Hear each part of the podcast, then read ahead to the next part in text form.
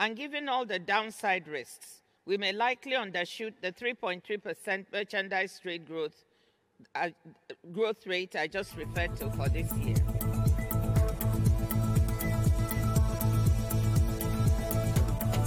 Multilateralism is under attack.